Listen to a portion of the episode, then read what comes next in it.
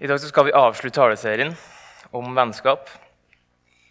Jeg har lyst til å starte med å si det, at den taleserien her den har, vært, eh, den har vært viktig for meg. Den har vært fin. Jeg syns det var skikkelig fint å ha den taleserien.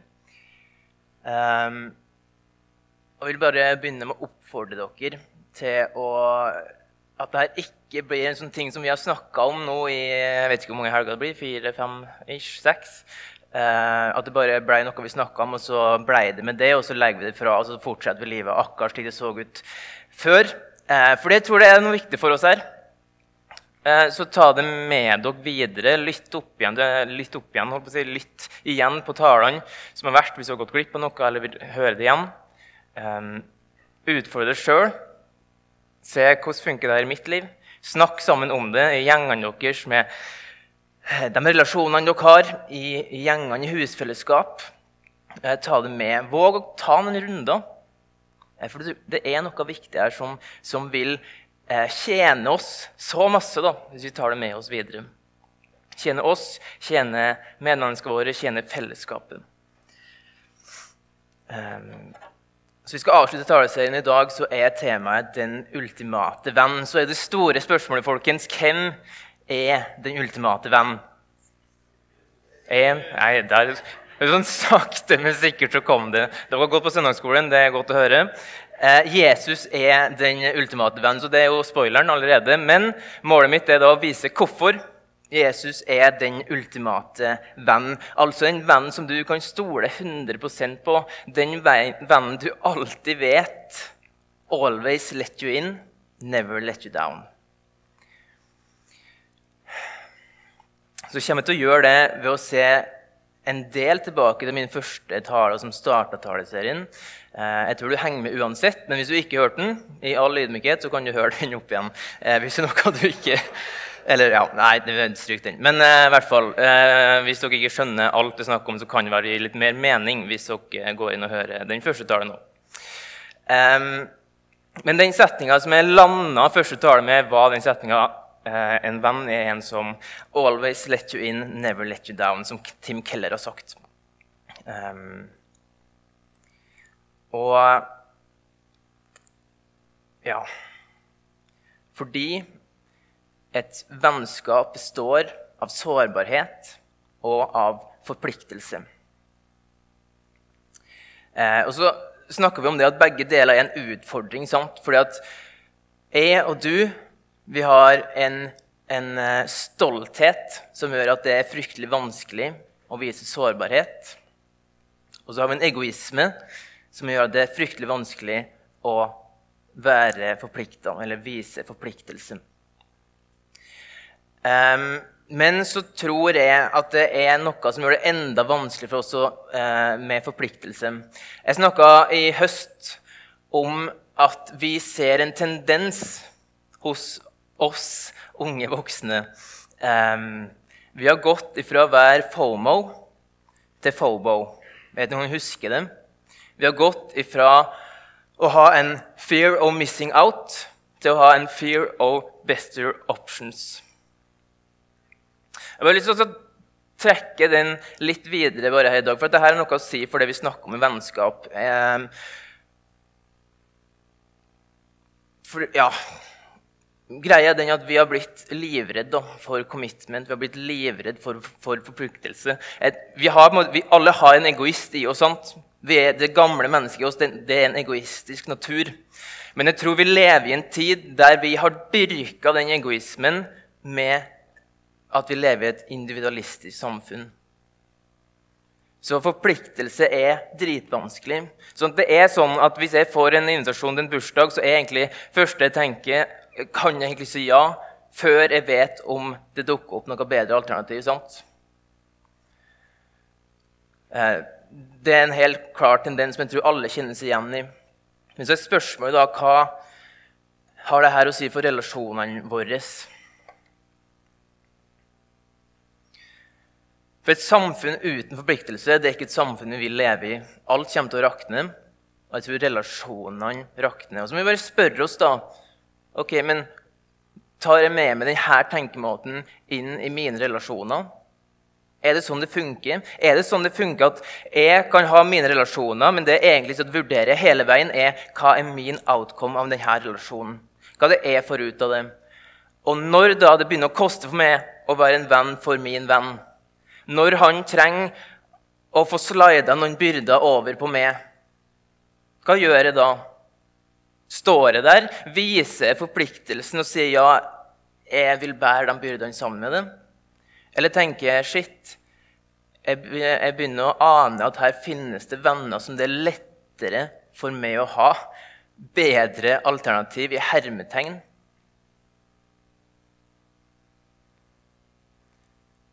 Jeg vet ikke, kanskje setter det på spissen nå, men jeg tror det er noe her, fordi vi er prega av fobo. Og hvis vi preges av fobo i relasjoner, så kommer relasjonene våre til å være ganske dårlige. Jeg vil bare si det, jeg setter det kanskje på spissen, så vil jeg også si at nå snakker jeg veldig mye til meg sjøl. Fordi jeg kjenner det her i mitt eget liv. Og så har jeg lyst til at du skal tenke på hvordan det ser ut i ditt. Vi trenger relasjoner med forpliktelse. Når jeg har behov, jeg kjenner nå er livet tøft, så trenger jeg å vite at han eller hun står der sammen med dem. Og du trenger å vite det. Jeg vil bare nevne det i starten fordi det er, det er viktig. Så er det jo eh, sånn at som mennesker sånt, så, så, vil vi oppleve at våre venner kommer til kort her på jorda. Vi vil bli skuffa av relasjonene våre, for de vil ikke alltid innfri. Venner, kjæreste, ektefelle, foreldre, søsken.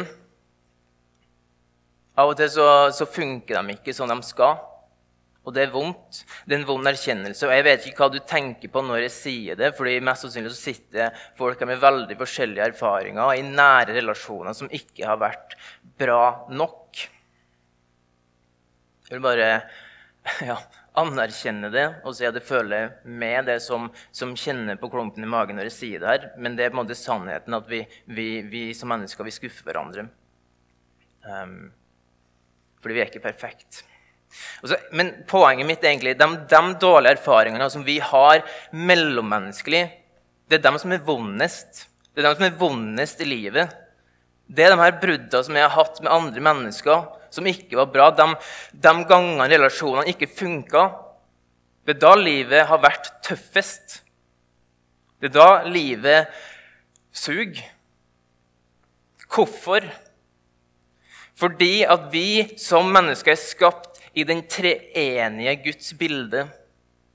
Vi er skapt i Guds bilde, og Guds, Gud er et evig fellesskap av tre personer med en perfekt kjærlighet. Så vi er skapt til å ha de relasjonene. Vi er skapt til å ha perfekte relasjoner, egentlig.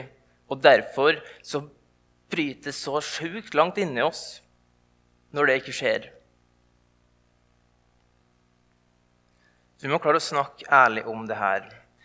Jeg må vite at det som menneske ikke er fullkommen. Jeg kommer til å skuffe folk. Samtidig som jeg ha et ideal å strekke meg etter, og det er Jesus. På samme måte så må jeg vite om mine venner at de skjønner at de ikke er fullkommen, at de kommer til å skuffe noen ganger. Men jeg må også kunne forvente av mine venner at de strekker seg til et ideal.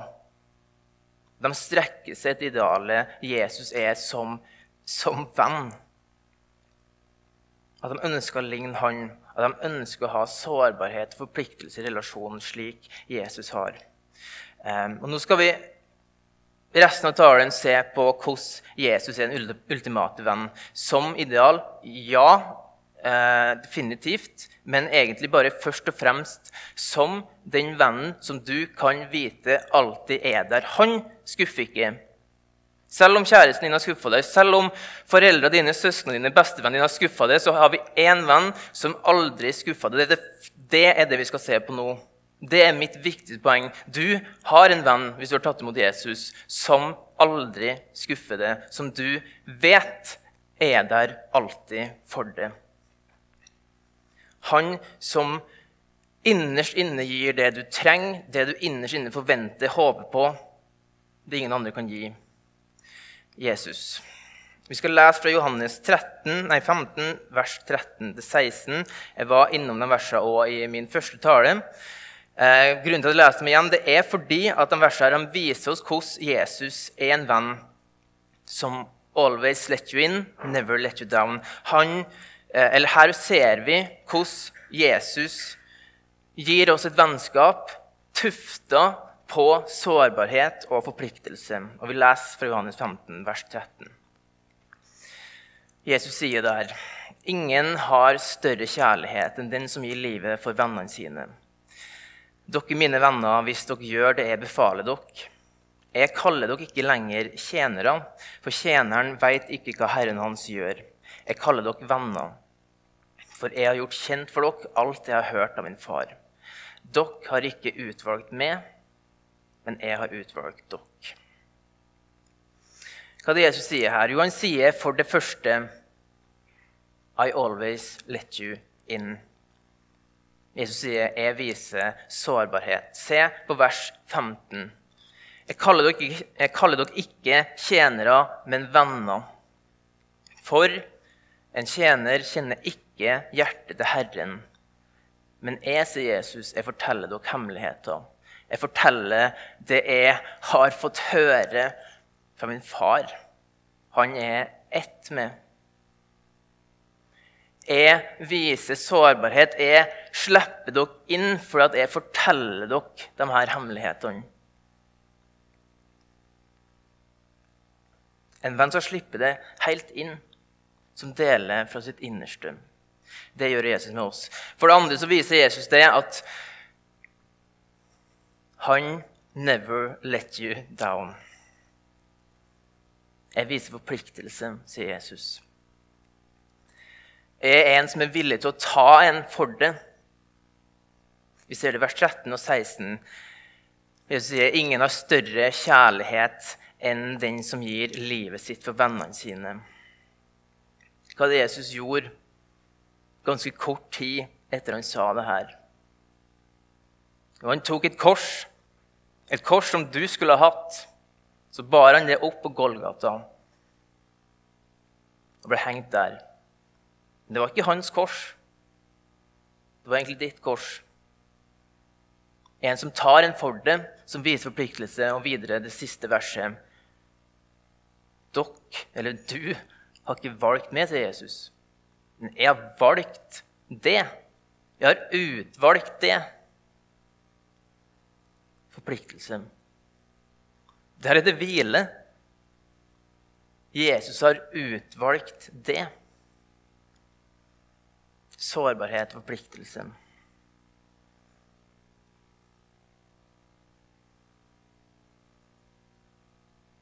For jeg legger ned mitt liv for dere, sier Jesus. Hva er det som skiller den kristne troa fra andre religioner? Det kunne man sagt veldig masse om. Det er mange essensielle ting. Men vi kan peke på én ting som kanskje er noe av det dypeste, den dypeste forskjellen det er at den kristne troa gir det en relasjon. Du får en relasjon til Jesus.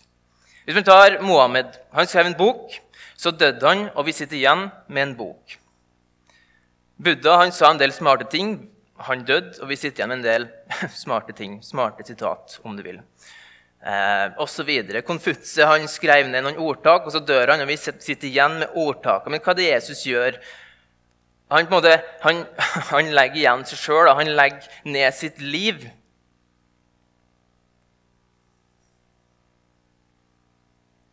Som gjør at vi sitter ikke igjen bare med ord.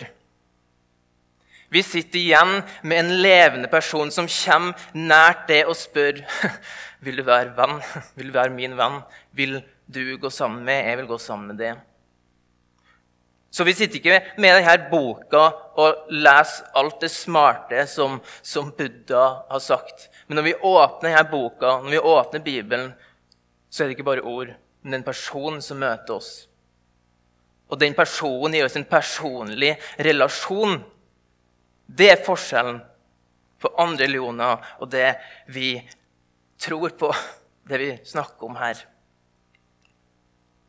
Hvis du leser Koranen eller leser det Buddha har sagt, osv., så, så, så, så får du en slags intellektuell connection med en død mann. Når du leser Bibelen, så får du en personlig relasjon til en levende mann. Til Gud. Til en levende Gud. Se for deg at du er ute og kjører en bil. Det som er problemet, det er at du ikke finner veien. Du veit ikke hvor du skal kjøre for å komme fram. Um, kanskje så skal du til Olmfjord, denne vakre bygda på indre Nordmøre. Så forteller jeg en ting. Problemet med Olmfjord er ikke at det ikke er vakkert der. Det ser dere der. Uh, problemet er at det ikke er så mange som vet hvor det er. Men jeg vet hvor det er. Og en håndfull andre. Så da du er ute og kjører bil og skal til Olmfjord, hvis dere lurte, så er det altså der jeg kommer ifra. Um, hvis dere ikke var med på den. Men du er ute og kjører, og så plutselig så ser du at jeg står langs veien. Så tenker du Jon Kjetil vet hvor Olmfjord er. Jeg stopper og spør han. Da kan jeg Jeg kan gi et kart. Sant? Det er ikke dumt. Jeg kan gi et kart. Jeg kan, si, jeg kan gi en muntlig veibeskrivelse. Den er veldig grei, faktisk. Um, altså, ja du tar E6 nordover. Du kan velge enten tar du E6 tar enten over Rennebufjellet eller fortsatt på E6 tar over Dovrefjell. Eh, hvis du tar rv. 3 eh, og ikke kjører E6 hele veien, så kjører du gjennom eh, ja, diverse plasser. Der må du passe deg for elg, bl.a. Eh, og da kan du ta til venstre enten på Atna eller på Alvdal eller på Ulsberg. Avhengig om du tar rv. 3 eller E6, så må du ta enten til høyre eller venstre når du kommer til Oppdal. Da kjører du ned fra Oppdal, ned Sunndalen. Ned Sunndalen, Der du må passe deg for stein og snøras. Eh, forresten, i, i altså rv. 3 opp, eh, opp, den dalen der, da, så er det veldig mye elg, så vær litt forsiktig der. Eh, når du kommer på Sunndalsøra, så er det bare å peise rett gjennom, gjennom en tunnel. Da kommer du til Olmneiet. Da må du ikke stoppe, for der er det ikke så fint.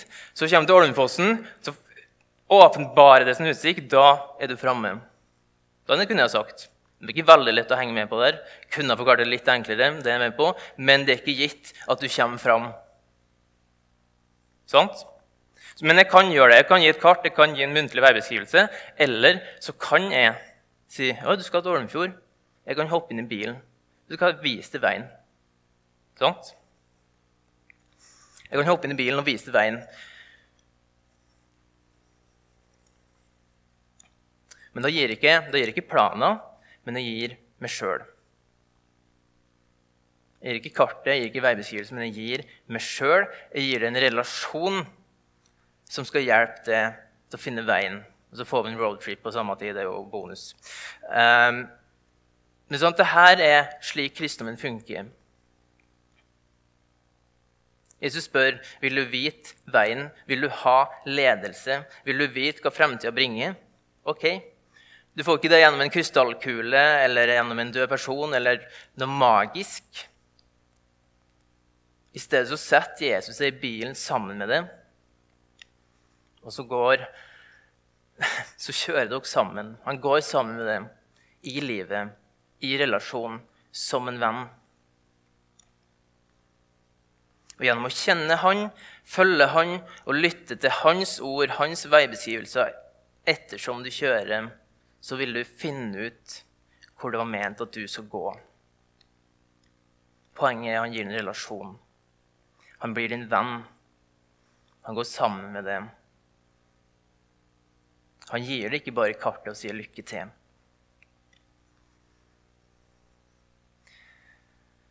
Kristendom i relasjon. Og dette bildet det gjør jo det at vi vet ikke alltid sant? Hva er det som venter rundt neste sving? Når det egentlig skal ta av den veien? Så vi har mange spørsmål om framtida. Hva kommer til å skje? Men, men, det er ikke sånn kristendommen funker. da. Vi, vi, vet ikke hva som er rundt neste sving. Vi vet ikke hvor langt det er til jeg skal ta til venstre eller var det høyre. Sånt. Men Jesus er i bilen. Han gir en relasjon, og så leder han det. Sånn er det. Sånn er Jesus det er en relasjon, det er et vennskap. Han kommer til å vise det, han kommer til å si det. Um, og han vet hva som skjer. Det er utrygg. Det er ingen andre religioner som funker på den måten. Men hvis det er én plass du skal tenke på og reflektere over hvordan Jesus er en venn for deg, så er det å se det korset. Vi leser Johannes fra, fra Johannes 15 i stad, vers 13, som vi las. Jesus sier, 'Ingen har større kjærlighet enn den som gir livet sitt for vennene sine'. Sånn er det heller ingen andre, andre religioner som er. Da må du fikse det sjøl. Vi har en, en historie om en Gud som har fiksa det for oss. Men kanskje kan du innvende noe på det verset her.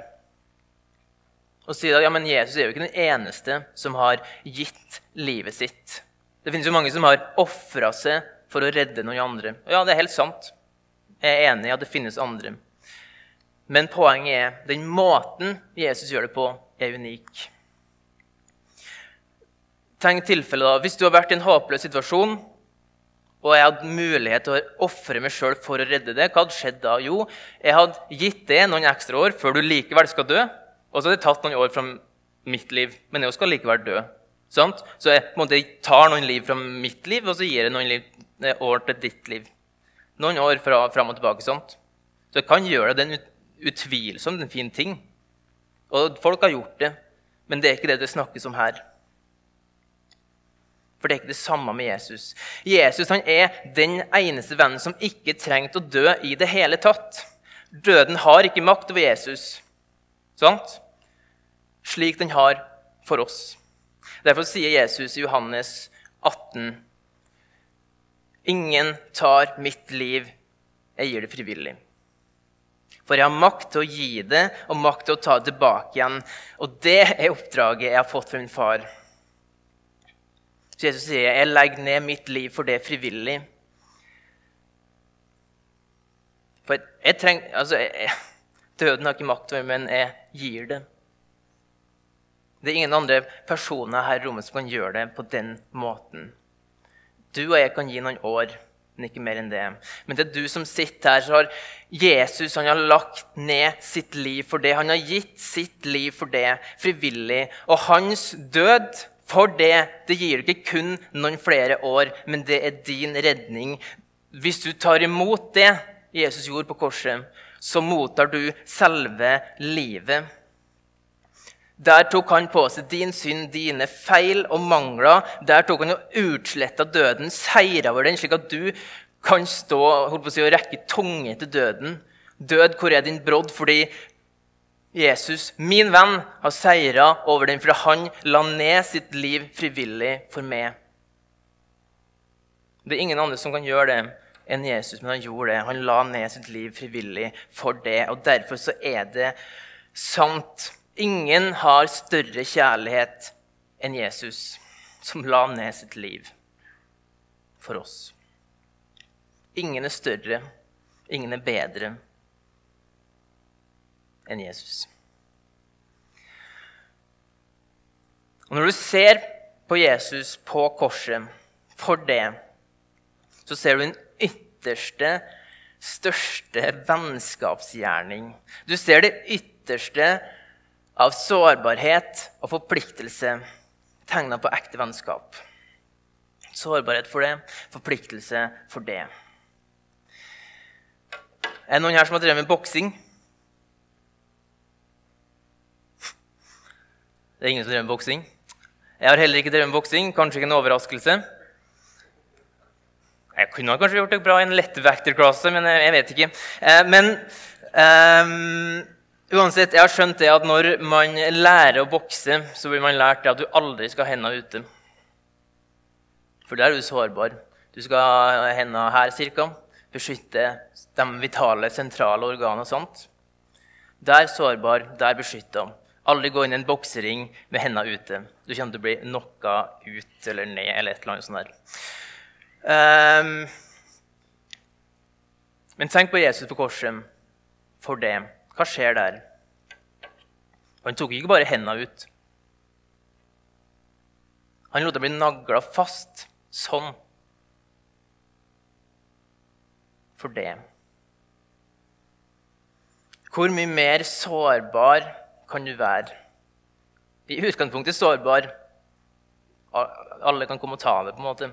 Men så lar han dem òg nagle de hendene fast i den posisjonen. Sårbar for det. Fullstendig sårbar.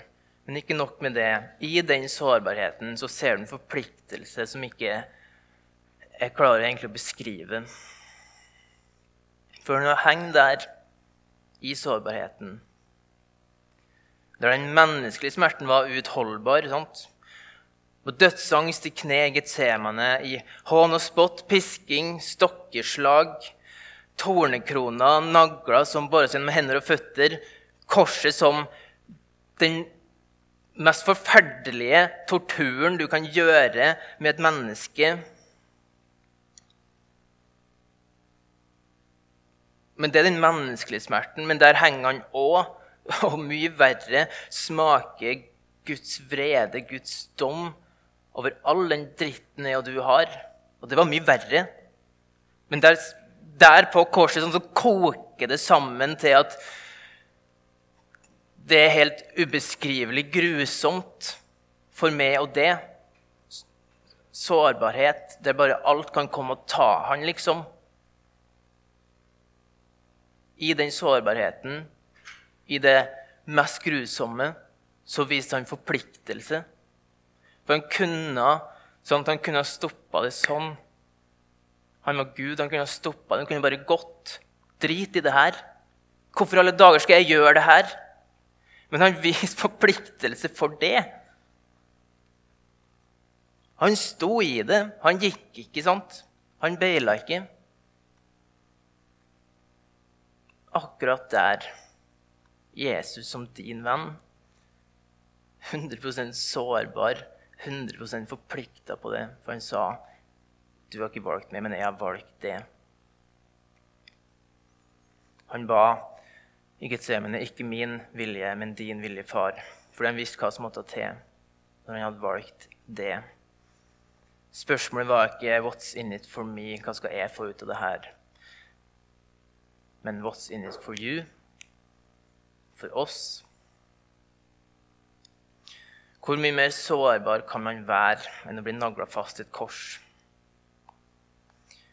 Hvor mye mer forpliktelse kan du finne enn en som er villig til å dø? Ofre alt heller enn gi det opp. Der har du Jesus. Der har du Jesus som venn. Jeg starta taleserien med å si at vennskap det starter med, ifølge C.S. Lewis at du, sier, du kan si det implisitt eller eksplisitt. You too. Du òg. Å ja, du òg liker fotball. Ja, du òg liker United. Å ja, du òg gjør det bra i Fantasy. Nei, jeg kan ikke si det til noen, dessverre. Eh, jeg gjør det best i Misjonssalen. Eh, men jeg kan si mange andre ting. Ja, dere, dere, dere er flinke på mange andre ting. Uh, men ja. Og så sa Aristoteles da, for mange, mange år siden det har egentlig et poeng, altså Han visste jo ikke hva C.S. Lewis kom til å si, men han sa det at eh, basically da, Gud og mennesker kan aldri bli venner. Fordi Gud er Gud. altså det er Gud og mennesker er så forskjellige da, at det finnes ingen referansepunkt der et menneske kan si til Gud Oi, du òg? Sant? Det sa Aristoteles. Folkens, det er mulig, da. I lys av det vi nå har snakka om pga. det Gud gjør i kjærlighet for det. Fordi han elsker det så ufattelig høyt. Fordi For å redde så ble Gud menneske. Han ble lik oss på alle måter, bortsett fra synden, står det i Bibelen. Så Gud veit hvordan det er å være et menneske. Gud vet hvordan det er å leve et menneskelig liv, men ikke nok med det da på korset som vi har snakka om nå. Så blir han ikke bare på en måte lik oss i livet menneskelig sett, men han tar vår Altså, han, han får samme erfaringer med død. Altså vår død, vårt mørke, som vi opplever som mennesker. Han blir lik oss i vår fortapthet. På korset så sier Jesus, 'Min Gud, min Gud, hvorfor har du forlatt meg?' Der skjer det noe. Du kan se på Jesus på korset, der han henger. Se på Guds sønn som henger på korset, skrikende, ropende, forrådt. Opplevd, forlatt. Alle slike ting som vi mennesker møter og går igjennom i livet på ulike måter føler oss forlatt av Gud. Der funker ikke. Hvor er du, Gud? Så kan du se der, se opp på Jesus på korset, så kan du si til Jesus Du òg. Du òg, Jesus. Har du òg opplevd det? Når du kjenner at livet ditt suger Når du kjenner på angsten som setter i magen, så kan du si til Jesus, 'Du og Jesus'.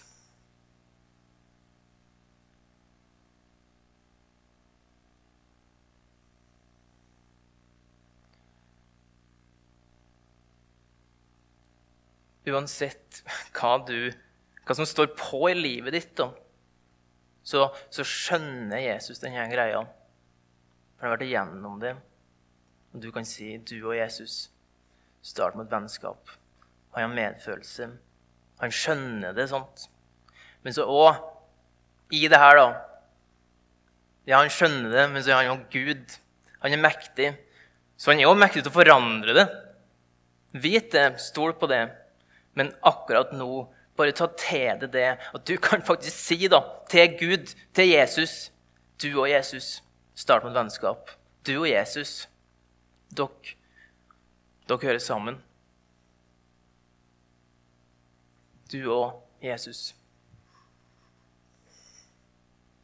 Jeg vet ikke hvor du er i livet, eh, hvor du er i forhold til Jesus. Om du opplever at du har han som venn eller ikke.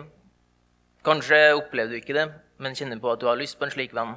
En venn som always let you in, never let you down. Fordi det er ingen andre her som faktisk gjør det, selv om vi skal strekke oss etter det. Kanskje vil du ha en som venn i livet. Kanskje trenger du å fornye han som venn i livet. Det er du velkommen til, for de armene de er fortsatt åpne. Jesus han ønsker deg velkommen. Velkommen hjem. Velkommen som venn. Du trenger ikke å lure på om du er bra nok til det. Eh, for Jesus han sa ikke 'dere mine venner fordi dere er verdig nok til det'. Han sa 'jeg har valgt dere'. Du er velkommen til Jesus. Um, ja, som sagt, Jeg vet ikke hvor du er, men du skal få ulike måter å respondere på på denne talen og hele taleserien vi har hatt. Vi skal feire nattverd etter hvert. Vi skal få høre en solosang som du kan sitte og ta til deg. Og du kan sitte og reflektere over det. Det blir åpna opp for forbønn etter hvert der du kan gå. Eh, og generelt så vil det bare oppmuntre dere til å snakke med hverandre eller komme og snakke med, ja, med eller noen andre som dere har tillit til, hvis det er ting som dere kjenner på. Eh, jeg tar det bare og ber til slutt, og så får vi en solosang. Gode far, takk for den gjengen som sitter her. Takk, Jesus, for det du har gjort for oss. Takk for at du har vist det ytterste av sårbarhet og forpliktelse, slik at vi kan få lov til å tilhøre det og være dine venner, Jesus. Takk for at vi kan få lov til å se opp på det, og så kan vi si du og Jesus. Vi kan få lov til å stole på at du forstår. Vi kan få stole på det som venn. Takk for at du ikke gikk ned fra korset. Takk for at du viste forpliktelse for oss, Jesus. Du kunne ha gått ned, men du gjorde det ikke. I din kjærlighet til oss. Hjelp oss å forstå det, fatte det, må hjelpe oss å leve nært det. Takk for at du gir oss en relasjon til det. Kom nær oss, Jesus. Takk for at du sitter i bilen med oss. I ditt navn. Amen.